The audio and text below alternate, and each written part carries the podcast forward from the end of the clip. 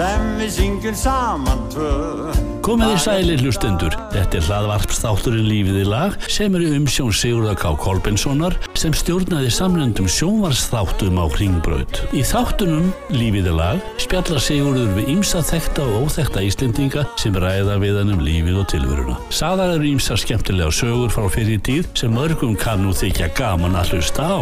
Þátturinn Lífið í lag er sendur út vikulega og styrtur af ferðarskrifstofu eldri borgara og hótelbókunu.is og hér er stjórnandi þáttarins Sigurður K. Kolbensson Gjör þið svo vel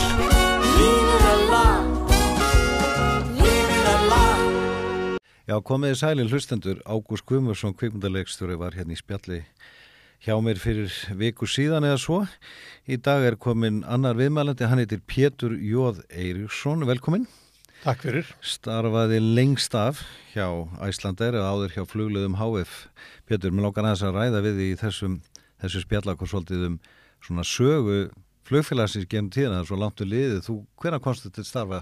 Ég byrjaði þar eh, 1981 Já, og uh, hafði áður starfað í bladamennsku og uh, var með verkefni, eða var meðal annars, var fyrst á morgublaðinu lengi og skrifaði þar um viðskipti og almenna fréttir og uh, var síðan frakantastjóri fyrirtæki sem heitir Frjálst framtak og gáð tímaritt og uh, það var Jóhann Brím sem átti það og uh, var mjög uh, driftugt fyrirtæki og, og mikið að gerast og held ég að hef verið einn tólf blöð, frjálsverslun meðal. Er og, og, og fleira. Og ég riðstýrði svona í ílöpum sumum að þessu blöðum, leisti Markus Örn Antonsson af sem var riðstjóri frjálsaverslunar svo gerðist það einn laugadag í ágústmánuði 1980 að uh, um hátegisbil að Jóhann Brím ringir í mig heim og segir þú verður að drífa þig nýri hérna ármúla það sem skrifstofan var og ég er búin að byggja Markus um að koma líka. Eh, Sigurður Helgason, fórstjóri flugleða var að ringja og vill fá okkur á fund nú það var náttúrulega mjög merkilegt að, að, að við skildum að kalla þér á fund þarna niður til eh, flugleða aðaskrifstofana við sjálfa fórstjóran Nú er þetta að tala um Sigur Eld. þá var ég að tala um Sigur Eldri já. sem að þá var fórstjóri félagsins. Akkurat. Og uh, við hittumst þarna við Markus og Jóhann og, og uh, stormuðum niður á skrifstofu flugleða í Vasmýrinni og hittum þar Sigurd uh, í stjórnarherbygginu við stærsta fundabór sem ég hafði nokt tíma séð og uh, þar sáttu líka Sigurður Helgason yngri og alnafni og, en óskildur fórstjórannu sem var þá var framkvæmtastjóri fjármálasviðs og Björn Teodosson uh, framkvæmtastjóri markasviðs og uh, Sigurður fórstjóri, hann spyr okkur, eða segir við okkur, það standa okkur öll spjót, pólitíkin er að reyna að keira okkur í kaf, fjölmiðlarnir er að reyna að, að, að hérna, vinna gegn okkur eins og mögulegt er, við erum ekki að ráða við þetta, getið þið hjálpað. Nú við höfðum unnið fyrir félagið eða flugleðir að því leiti til að við gáum út starfsmannablaðið og blað fyrir farþega einanlandsflugsins við sem fljúum en uh, við höfum aldrei komið að svona verkefni og, og, og, okkur þótti mjög merkilegt að okkur skildi vera uh, treyst fyrir því við vo- vorum ekki lobbyistar en uh, verkefni snýrist um það að hafa áhrif á fjölmiðla og hafa áhrif á stjórnmálumenn. Umræðin og alþingi var mjög neikvæð og þar fór fremstur í flokki Óláður Ragnar Grímsson sem að gaggrindi félagið og starfsmið þess mjög óvægið og uh, hafði uppi stór orð. Og uh, flokksfélagar hans uh, unnu mjög lengt og ljósta því að þjóðnýta fyrirtækið og ríki kemur inn sem eigandi. Og nötu því miður hérna stöðnings eða aðstóðar ímessa starfsmanna sem að, sem að Sigurður hafði ekki einhvern veginn getað hérna saminað í kringum eitthvað ákveði leiðaljós. Nú við eh, tókum á okkur þetta verkefni, eh, ég og Markus og eh, við áttum fundi með stjórnmálumönnu, ég talaði við Styrmi Gunnarsson á morgublaðinu og Geir Hallgrímsson forman sjálfstæðisflokksins og ég talaði við alþýðflokksmenn, á meðan Markus rætti við framsóknarmenn og vitimenn umræðan snar, snar snérist við í þjóðfélaginu. Morgublaðið og tíminn skrifuðu mjög sterkar leiðara, sama gerði vísir og stjórnmálamenn sem að hafðu setið passífir og hort á það þann möguleika að stærsta enga fyrirtækja á Íslandi eru þjóðnýtt. Þeir allt í einu rönguðu við sér og, og tóku til varnar. Þannig að uh, þetta endaði með því að, að eftir 2-3 mánuði að þá var umræðan í þjóðfélagi orðin allt önnur heldur nú var. Og við skiluðum þarna mínu dómi mjög góðu verki og, og við vorum áfram í góðu sambandi bæði ég við Sigur, uh, fórstjóra, uh, ég kynntist honum og við spjöldluðum stundum saman. En svo gerðist það að ég vilangaði til þess að, að fara í svona stórt alþjóðlegt fyrirtæki svo ég ringi Sigur og segir við hann hérna uh, ég áhuga á starfi og það var í mæ uh, 1981 og Sigurður sem að tala nú ekki mjög laung síntöli síma hann er, hann er svona snöggur afgreða, eða var snöggur að afgreða hlutina. Þakkaði fyrir pjötum minn, orður til alls vilst uh, ég ringja morgun. Sem að gerði og það samtal hljóðaði svona. Pjötur, sæl, talaði við Björn Björn Teodorsson mennuru Teodorsson, já, þakkaði fyrir, blessaður. Það var ekki lengra þetta.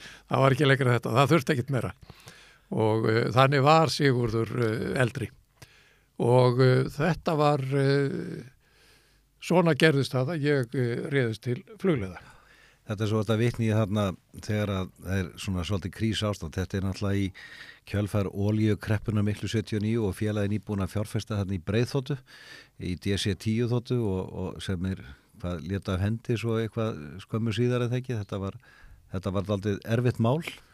Þetta var, uh, fyrirtækið var í rauninni á barmi gjaldróts Já, akkurat. og uh, það hafði geisað uh, blóðugt stríð á Norður-Allasafinu og uh, ofan og það bættist oljökreppa uh, 1977 og 19 og 78 uh, fyrirtækið hafði pantað uh, DC-10 breyþóttu og uh, þá gerist það að það ferst flugvel í bandaríkjónum American Airlines þannig að reyfill losnar af í flugtæki Á DC-10 vél. á DC-10 vél og allur flottin, DC-10 flottin var Kyrsettur. á jörðinni Já. og þar með talið þessi vél.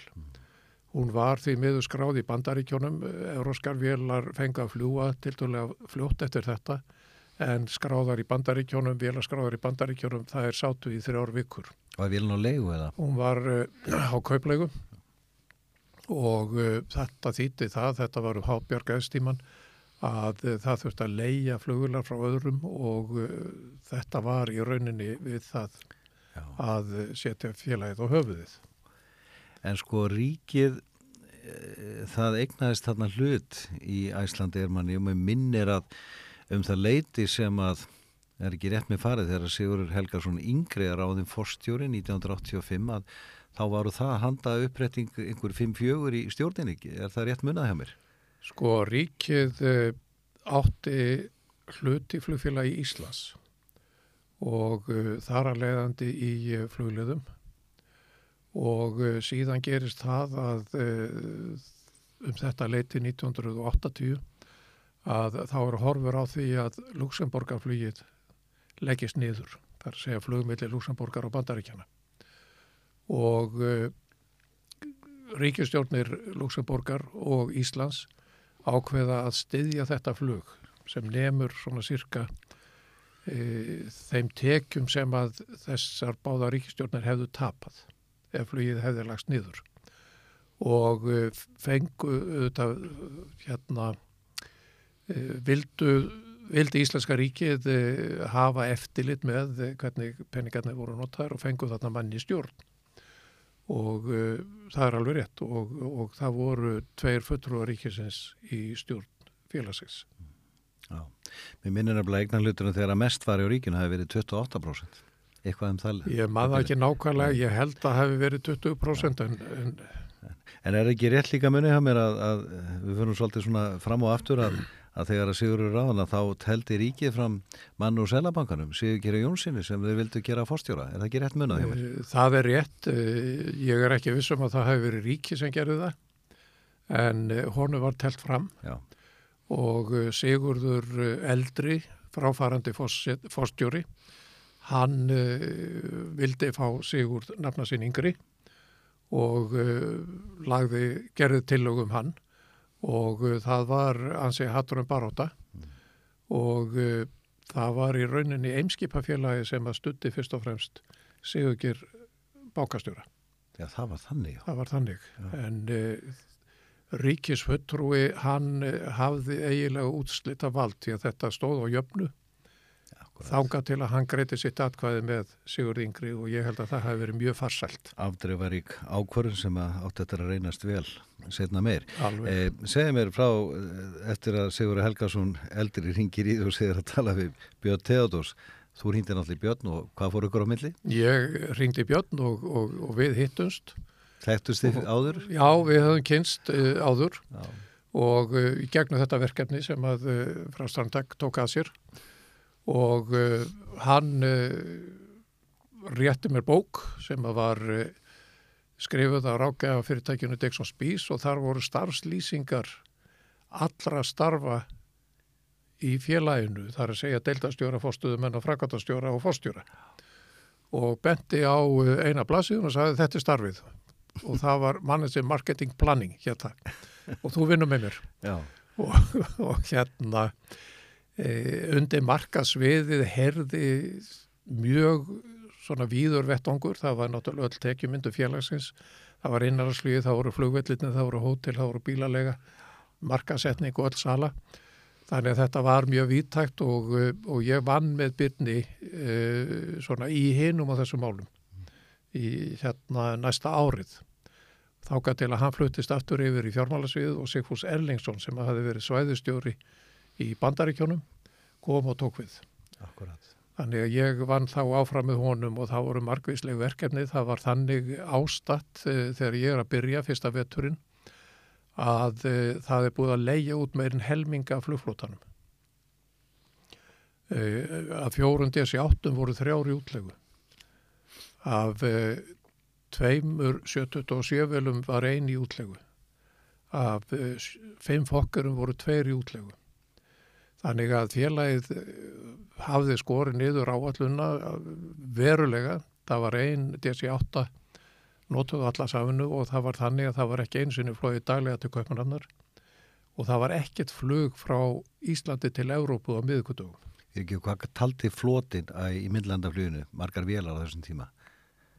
Var þetta tíu vélar eitthvað leys? Mér minnir að eh, félagið hafi ráðið yfir nýju þóttum, Já. átt eða nýju þóttum Mm. og uh, helmingurinn var sem sagt í útlegu. Já, akkurat.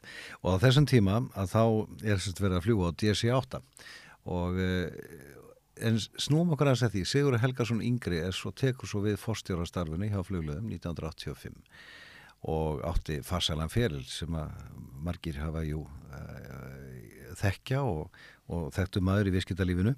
En þá í hönd nýr tími sem að átti eftir að leiði ljós endur nýjum flugflóta og þú varst mikill þáttakandi sem stjórnandi í því, segðu okkur hvernig þetta bara og, og svona frá upphafi til endi, að, fram að endi. Sko, félagið var komið eiginlega eins nálat botninum og mögulegt var. Þú nefnir gamla flugvélar.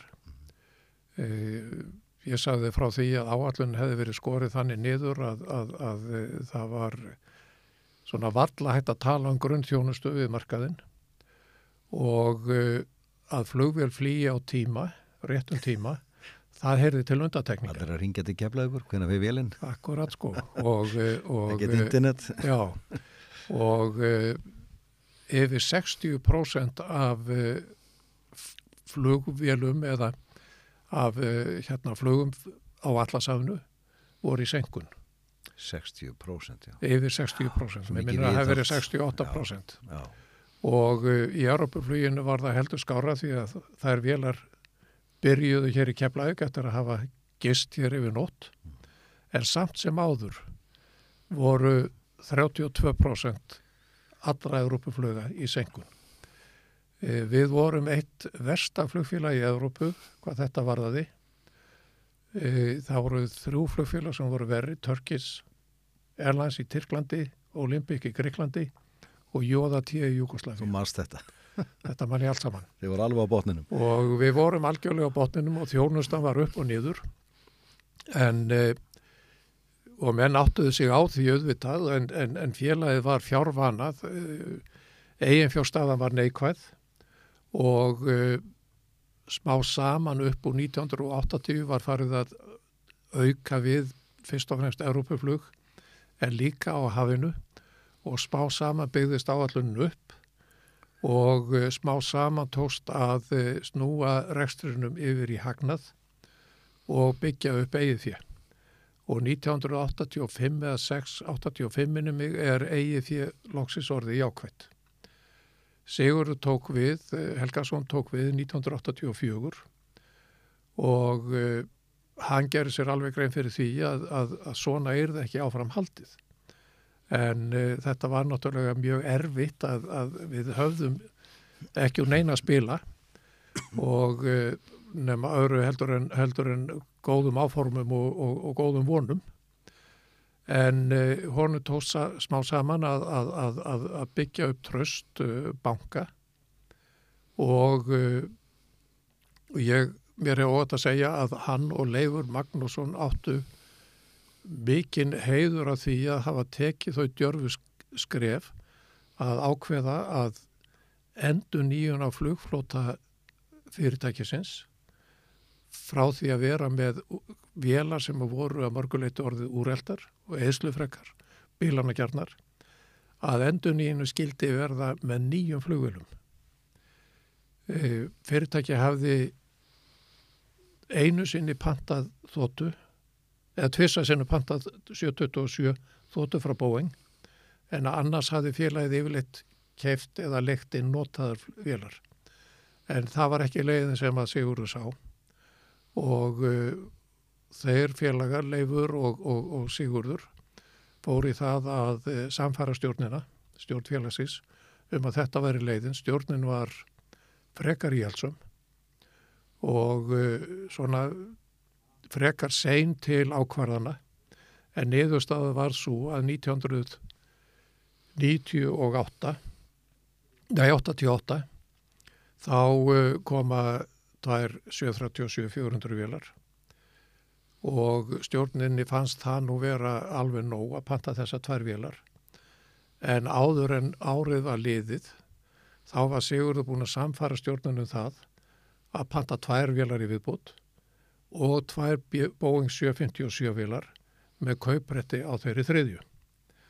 Og uh, þarna kom til uh, þessi áræðinni Sigurðar vöndu vinnubröðu leifs við allan þennan undirbúning lausna mið, miðað, mik, svona lausna miðaðir Boeing-menn og uh, þar var í fórustu Borge Bóskóf sem að vera fættur í Mósesbæ eða Mósesveiti svo það hétt þá og bankar sem voru vil, tilbúinu til þess að lána. Það er mynd að spyrja um það, fjármögnunin, stóra Fjármögnunin, málið.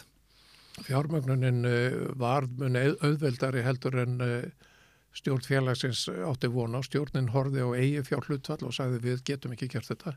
Bankarnir horfðu hins vegar á sjóðstreymi og uh, hvernig peningar komu inn og sjóðstreymi var gott og bankarnir höfðu trú á okkur. Þannig að, uh, þannig að með samspili þessara þáttar þá tósta að uh, algjörlega endun í að flugflótan á tveimur árum Alveg stórkostlegt. sem var alveg stórkostlegt. Reyndar fekk innanlandsflugið að býða í tvö ári viðbútt en uh, þar komu, þar voru pantaðir hérna fjórir F-50 og uh, meiminar þeir hafa allir komið á sama árinu. Hvernig gekk að losna við gömlu vilatar? Það gekk bara mjög vel. Uh, við höfðum alltaf allt haft gott viðhald og vélarna voru í miklu langflugi, þar voru ekki eins og margar vélar, európska vélar að lendandi endalust. Aldur véla eiginlega byggist á fjölda lendinga. Okkar uh, vélar flugu langt og, og lendu þar að leiðandi sjaldan. Þannig að það gekk mjög vel að, að, að selja vélarnar og við höfum alveg ágættis hagnað af Þannig að Þeim- í kringu 1990 eða 92 þá eru þau konum með hvað með fjórar, fimm, sjö, fimm, sjö velar eitthvað svoleiðis í rekstur og, og eitthvað sjö, þrjú, sjö. Við erum komin með þrjár til að byrja með fyrst 2757 Já. og síðan bætist svo þriðjaði, tveim ára setna, fjórar 737 400 og uh, smá sama jógst þetta. Uh, síðan verður mikil breyting þarna á þessu ári 1990. Við höfum undirbúið þetta allt saman með því að, að uh, endur skapa félagi, þetta er ekki bara flugvélar, þetta er allt í kringu þar, það er tjónusta, það er uh, hvernig þú nálgast markaðinn og fleira og fleira. Og uh, við höfum undirbúið í tvö ár nokkuð sem að við kalluðum nýja Æslander og uh, grunnsteinnin í því var að breyta línulegu flugi frá Luxemburg yfir til Bandaríkjana í skiptistöðar eða það sem kallað er spoke og uh, setja upp skiptistöð í Keflavík. Þannig var að 87% af öllum farþegum á, á hafinu flugu annarkvort til eða frá Luxemburg. Bara 13% voru að koma frá Skandinavíu, Breitlandi eða Íslandi. Þannig að þetta var yfirgnefandi meiri hluti. Og uh, þetta, þessi viðskiptahumning, þessi gamla viðskiptahumynd loftliða, hún var í rauninni runni sitt skeið, hún var orðin úreld og hafði ekki verið endunnýjuð. En uh, eftir saminningun og í mörg ár og alveg fram að 1990 þá varu flugleðir í rauninni að reka tvö leiðanitt. Það var annars vega leiðanett loftleiða frá Luxemburg yfir til Bandaríkjana og hins vegar leiðanett flugfélags Íslands sem að var frá Íslandi til Európalanda og þjónaði engöngu íslenska markanum. Og í öll þessu áreiti saminningu þá var þessu haldið svona. Er hluti af þessu nýja Æslandir sem við vorum að móta var að samina þessi leiðanett í eitt og uh, byggja það upp á uh, skiptistöð í Keflavík. Þannig að uh, flugvélar, það færi aðeins einn flugvél til Luxemburgast en fyrir allar áttunar eða þrjára eða fjórar. Þá færi aðeins einn þangað og að við myndum mata inn í Amerikuflugi frá öllum okkar stöðum í Európu. Markmiði var á fyrsta ári að, eh, að eh, hlutfall Amerikufarþega frá Luxemburg eh, þessi 87% færu niður í 60% og 40% kemur annar staða frá. Og uh, það er síðan í mæ uh, 1990, uh, 7. mæ, að uh, tveimur glænýjum 757 velum er ítt úr hlaði í Keflavík. Uh, önnur á leið til Baltimore þar sem við vorum að hefja flug, við höfum bara flogið á New York út af þessari krísu sem að þá var.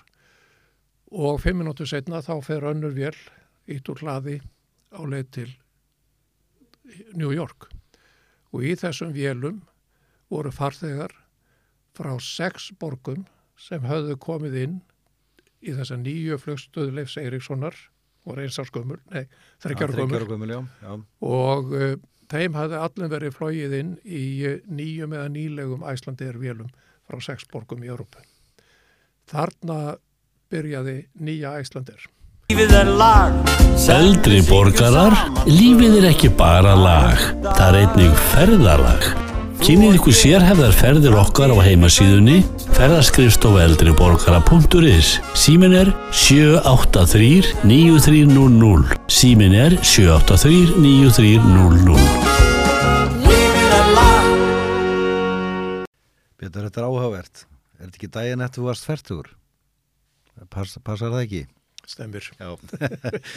Erðu en, ég ætla aðeins að hérna spóla tilbaka, sko, þú kemur það inn uppalega fyrir tilstilli Sigurðar Helgasonar eldri og talar við Björn Teodorsson, hann ræði þig e, sem milli stjórnanda á, á markarsvið, en svo verður þú síðar forstuðum að markarsviðs og stjórnar vantarlega já, því sem að margi kata markarsrannsóttum og öðru, að því að þegar að flugfélag ákveður að fara á nýjan nýjan áfangastað, þá liggur náttúrulega baki heilmikil rannsókn á því hversu mikil business er þar á bakvið. Segðu okkur svona hvernig þetta var byggt upp. Sko, þegar ég byrjaði þarna sem sagt í markasrannsóknum hjá Bytni Mm. og uh, Europaflugið var nánast ekki neitt. Það var London, Kaupmannöfn, uh, Luxemburg, eitthvað á Oslo og uh, eitt af fyrstu verkefnum mínu var að uh, rekna út hvort að borgaði sig að, að náttúrulega fara að fljúa dæli á Kaupmannöfn og uh, taka aftur upp flug millir Glasgow og Kaupmannöfnar. Og uh, niðurstaðan var uh, að það borgaði sig og, og það var gert árið setna eða 1982.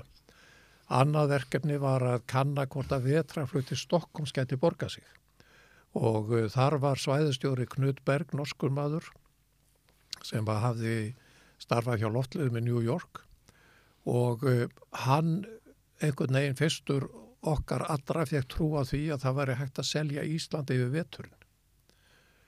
Og uh, hefðin í Európu var að uh, á sömri fór fólk sólarflug, til Sólarlanda eða náttúrskoðun til Íslands en á veturum var það borgarferðir nefn ekki til Reykjavíkur.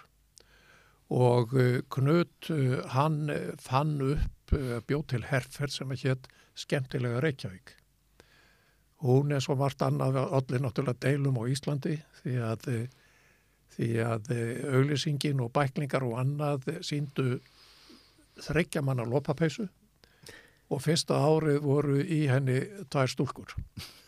Og uh, mörgum hér á Íslandi og, og ekki síst hver réttina konu fannst þetta nú svona heldur rauðljósalegt og, og, og hugsalega koma óorði á íslenska konur en það var náttúrulega alls ekki meiningin og það var náttúrulega ekki, ekki það sem að gerðist. Það er eitthvað blöndir kannski það. Það, nei, nei, nei, nei, nei, nei, þetta var einn best hefnaða herferð sem Æslandeir hefur nokk tíma farið í. Í alvöru. Já, Já, þannig að herferðin skemmtilega Reykjavík, hann vildi, vildi taka hana byggja á helgaferðin til Íslands og þá fyrst og fremst náttúrulega að fá vetraflug. Menn sagðu Reykjavík, hvað? Það er, ekki, það er að segja Íslandíkar. Það er ekkit varðið Reykjavík og vissulega var Reykjavík náttúrulega sko minna glæsilega en hún er í dag. Eh, Miðbarinn hafi verið skipulagslegu frosti en það hafði orðið mikil uppbygging í veitingaþjónustu, hér voru söp, hér voru sundlugar, góðir veitingastadir og hægt að fara í fína dagsverður og gullfólkessi og, og svo frá við. Sko. Þannig að- lónið ekki komið til Það var sögunar. ekki komið til sögunar. Já, En uh, við bara prófum þetta. Gullfossgeysir og ekkit annað. Já, já, og, og við prófum þetta, settum hérna vetraflug á Stokkólm og þetta sló í gegn. Alla vila fullar. Já, það er smá, smá fylltust, Já, smá fylltust. já, og, og síðan uh, eftir þetta þá uh, náttúrulega sindi ímsum störfum þannig og, og, og uh, en þá var ég sendur til Svíþjóðar að taka við að knutt sem svæðistjóri í Svíþjóð og Finnlandi og síðan í Skandinavíu og uh, það gekk alveg ótrúlega vel og Svíþjóð allt í hennu var orðin stæsti markaður fyrirtækisins fyrir utan Bandaríkin og Ísland sjálft. Og uh, 1988 þá ringið Sigurður í mig. Þá var nú einn krísan að gangi yfir og spyr mig hvort að ég sé til í að koma heim og, og taka við framkvæmtastjórn markaðsins sem ég og gerði. Þannig að ég náði að verða, verða eh, virkur þáttakandi í þessari enduníun og, og, og áttum náttúrulega með þátti að skipulegja hana. já, svo sannarlega og þið voru nú þarna, þú voru nú nefn nöfn nokkura góðra manna sem voru með þér í frangvæta stjórninni og, og Sigfús Elísson, Björn Teodorsson og, og Leifur Magnússon, þetta voru allt toppmenn og, og svo má ekki gleyma fjármálastjóranum, Halldóri. Já, Haldur Vilhjámsson, Já. hann eh, kom inn um svipaleiti og ég var frangatastjóri markasviðs, þá var hann frangatastjóri fjármálasviðs og uh, hann eiginlega endur nýjaði algjörlega alla fjármálastjórni í fyrirtækinu og, uh, og gerði það mjög vel. Var gott að vinna undir stjórn Sigurða Helgasonar, Það var mjög gott. skipulaða maður. Hann var mjög skipulagur, hann hafði sín, sterka sín og uh, en uh, hann var uh, tiltölulega rólegur, það var þægilegt að eiga við hann, það var ekki frekja, ekki, ekki, Hann hlusta á aðra. hann hlustaði, Já, hann gaf mönu frjálsar hendur, hann var mjög frjálslegur og allan hátt, þannig að, uh, menn voru ekki hrætti við hann.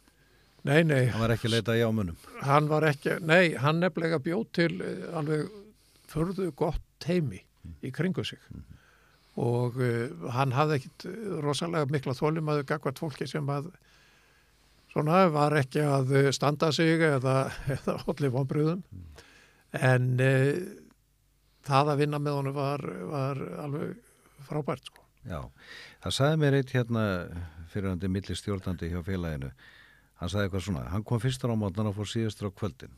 Þessi maður starfaði á sviði sem snýrað hótelónum og hann sagði eitt morgunur lampaðan koma við á borðin hjá mér og lagði eina blaðsjöðu úr eilendu tímarætti sem fjallaði um rekstur hótela og sagði lestu þetta? Og ég sagði nú ok, já þá var hann búin að lesa heilu tímarættina á kvöldin og dreifði svo efni sem var á viðegandi sviði þessuna daginn eftir og þegar hann talaði við mann þá vissi hann allt hvað hann var að tala um. Já, já, það var eins gott að vera vel lesin. Og, og mæti ekki ólesin í vinnuna, manni var lítið yfir við heldum fundi á mándas uh, modni, frakaldastjóranir með Sigurði og, og uh, þá var hann búin að lesa alla bókunartölur og, og hérna Þetta minnir svolítið á Jón Óttar Ragnarsson sem ég vann hjá hérna fyrir 30 okkar árum síðan. Hann var búin að setja sér allt saman. En, en talandu stjórnanda, þú varst sjálfur stjórnandi á stóru sviði en þú laust hans stjórn sem fórstjóra. Sko, erum við ekki sammála það að eftir höfðunni dansa liminir. Veikur stjórnandi, hann veikir sína meðstjórnendur. Sterkur stjórnandi, hann heldur í spottan, í tauminn og heldur mönnum við efnið. Já, það er alveg á hreinu að keðjan er aldrei sterkar en veikast í lekkurinn Nákvæmlega. það er akkurat þannig sko. Og fórstjóran þarf að vera þannig að hann taki ákvarðanir sjálfur. Hann uh, tók uh, fullt ákvörðinu sjálfur, hann, uh, hann rætti hlutina mikið, uh, ákvarðinu voru yfirlega ekki tekni svona í einhverju skyndingu, það var uh, átt sér tal samtal, hlutinu voru reknaður út og uh, það var komist að niðurstöðu og þannig, þannig var þetta allt saman unnið. Já.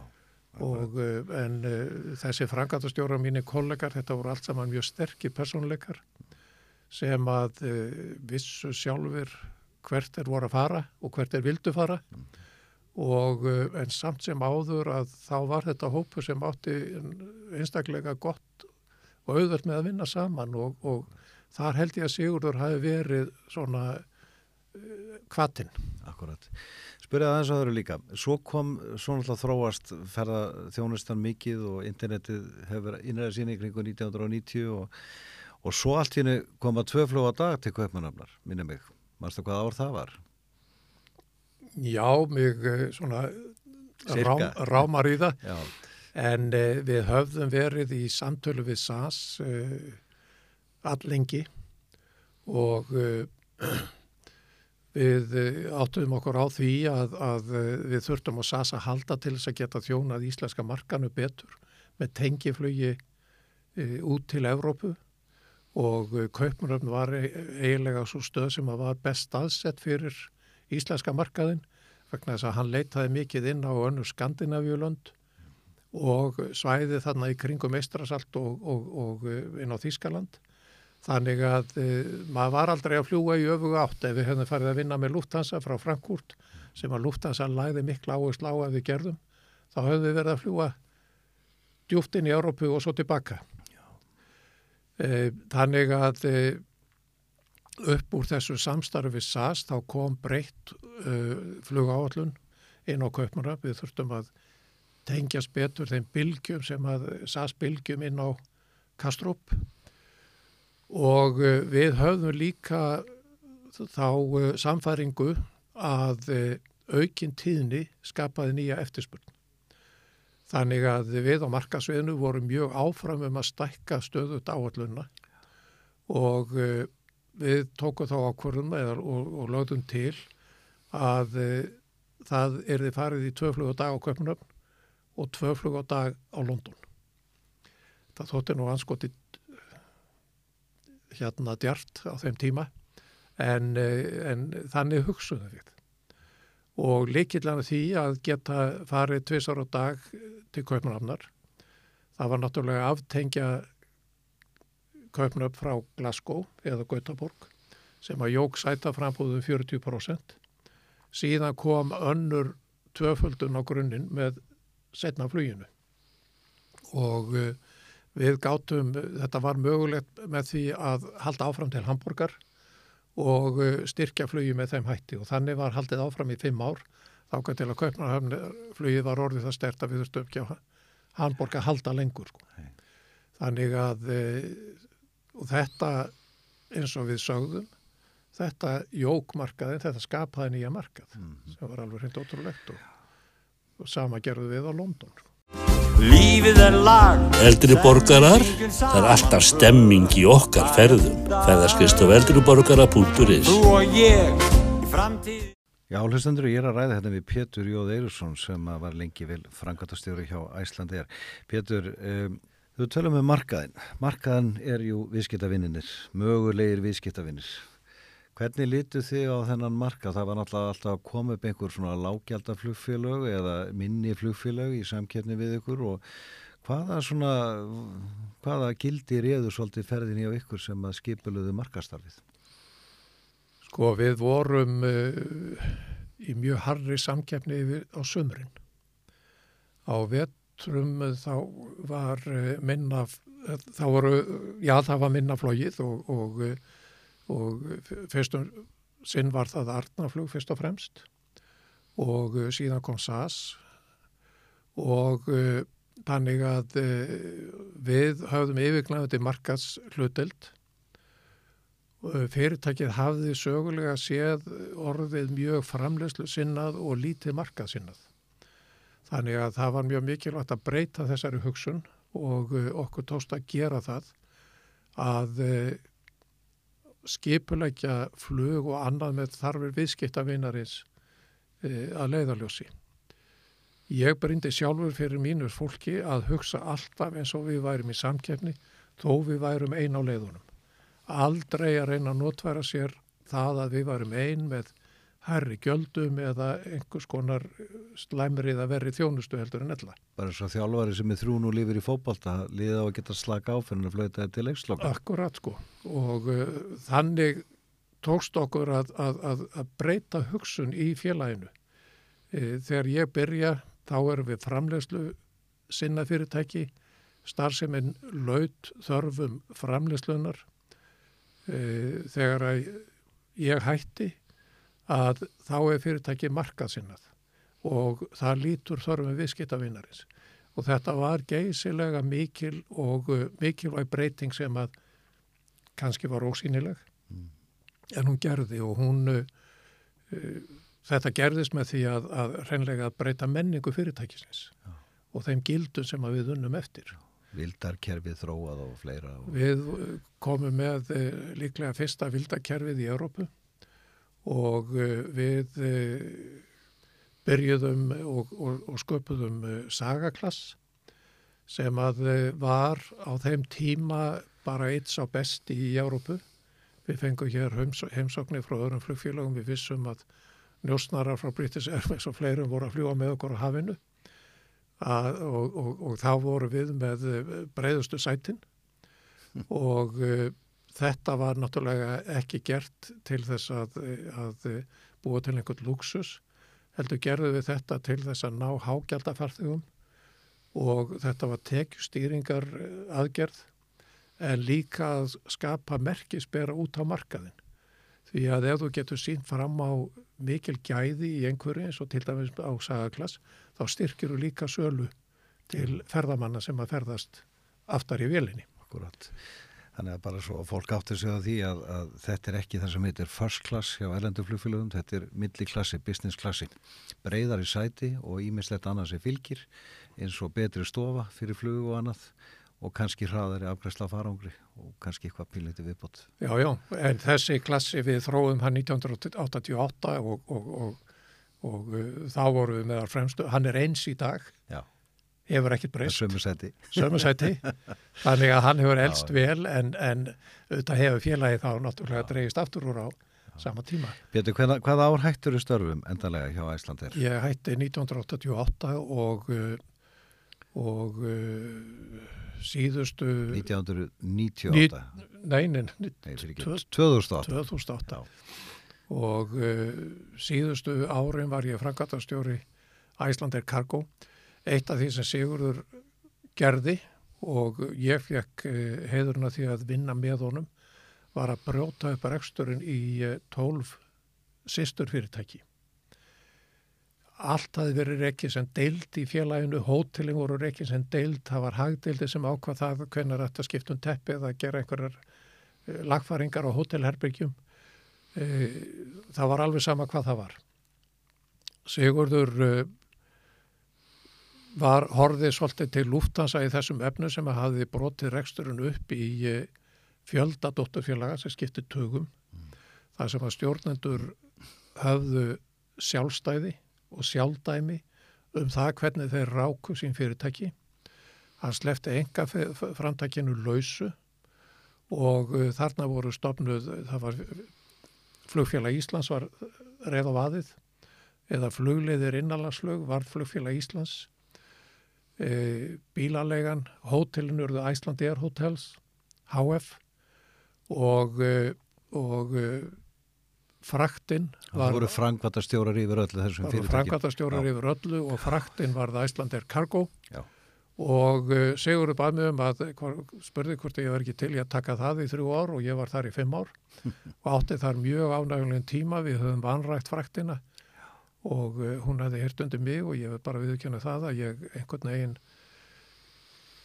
hafði frakt og margt annað orðið svona hálf út undan í félaginu. En uh, nú var það eh, hérna eitt af megin megin hérna tekju sköpurunum eitt félag sem við stopnuðum og ég var stjórnaformaður í var loftleður sem að tók að sér og fór í, í allskins leiguflug og útlegu flugvelum sum árin þá kom bróðurpartin að hagnaði félag, félagsins frá þessum félögum Já. ekki Æslandi er en menn höfðu alltaf hort á, á, á millinandaflugið en ég endaði sem sagt minn feril þarna hjá, uh, hjá Æslandir Kargo sem frækastjóri Nú, árið 2008 í áspyrjun þá er, er, er Sigur Helgarsson eh, hættur starfum, þá að hún að vera annað fórstjóri í millitíðinni, en þá er Björgulur Jóhansson ráðin fórstjóri Æslandir Group. Og hann ræður ungan mann með góða reynsli Birki Holm Guðnarsson til þess að veita flugfélaginu fórstöðu og það er mat flestra að hann hafi eh, ný kynnslóð eh, kynnslóð yngri en þið gömlu stjórnundinu voru, reikið þetta mjög myndalega fram til 2017 þar til hann leta störfum. Og, og félagið óks og dapnaði mjög hratt en það er svona í dag skoðan marga að, að því þú ætti að tala um að félagið hafi verið framlýstudrifið þegar að þú skildi við að varða markastrifið og það hjælt áfram þannig hver er þín skoðun af félagin í dag? Ertu til að láta hann í ljós? sko það er svolítið erfitt að dæma stöðun á Æslandi er vegna þess að félagið hefur gengið gegnum alveg ótrúlegar krísur Nánast að bara gjaldfrátt fyrir og eh, má segja það þú var orðið alveg peningalöst út af eh, COVID og, eh, og því að, að bæði ferðamannaströymur hann skrúast fyrir hann algjörlega og nánast allt flug. Þannig að félagið hefur verið að ganga í gegnum núna uppbyggingarfasa og að mínu dómi hefur það allt sem að verið gert mjög vel og það hafa verið teknar þarna mjög góðar ákvarðanir, það hafa komið þarna að nýjir aðilar, nýtt hlutafjö og uh, félagið er að byggja sig upp. Þannig að uh, það þarf hins vegar að passa sig að missa aldrei sjónar af markaðnum og viðskiptavinnunum. Virðan.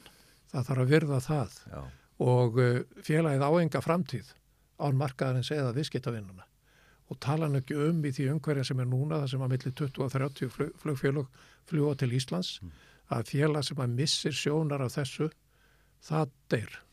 Já, akkurat. Nú, Pétur Jó Eriksson, svona að lokum um, látum umræðin um, um gamla Æslandi er lokið. Um, þú hættir hann að störfum 2008 og ert búin að sína, sinna ýmsum störfum bæði þessi reyndur stjórnandi í stjórnum félaga hér og þar en, en nú ert í að ljúka við svona smá enga verkefni, segja okkur svo frá því. Já, mér uh, hefur fundist þessi ferill sem að ég hef nú svona stikla á stóru í frá uh, þarna 1980 fram til uh, framöndi þennan dag. Mér finnst það að margan hátt vera einn merkilegasti hluti af, eh, af líftíma flugleiða FL Group og Iceland Air Group sem þetta félagi er búið að heita Já, þessi umsköpun og ég ákvaði að setjast niður og skrifa bókum það. um sögu bara frá Um, upphafi s- já, ekki frá upphafi, Nei. heldur frá því að félagið er þarna bara með gjaldtróts, það nær að endur nýja sig og uh, algjörlega það nær á ferlinum eftir endur nýjun að uh, fyrirtæki þau hafa tilhengu til þess að staðna og hnigna. En félagið hefur, það hefur tekist að endur nýja sig líka í þeim fösum með ímiskona nýjungum og mér finnst þetta bara svo merkilegt, merkilegu ferill að ég gæti ekki annað að skrifa bókun þetta og hún er að koma út núna fyrir jólinn. hvað heitir bókin? Hún heitir uh, Flug í ókjöru lofti. Ég er mikill áhuga maður um flugu, ég ætla að panta hér með eitt eintak og hlaka til að lesa hana. En Pétur Jóð Eirusson, ég vil þakka að kella fyrir ítalett spjall hérna um sögu þessa stærsta þjóðarflugfélags okkar Íslandíka, ég nefni þetta svona þó að ríki sé ekki eiganda því en þetta hefur þjónað Íslandingum frá bara, já, síðustu 80 árin ef við förum alla leið sko og er óminnstandi þáttur í íslensku viðskiptalífi og og e, vonar hlustendur hafi orðið nokkurs fróðar við þetta spjall okkar. Óska þér og þenni fjörskyldu alls besta í framtíðinni.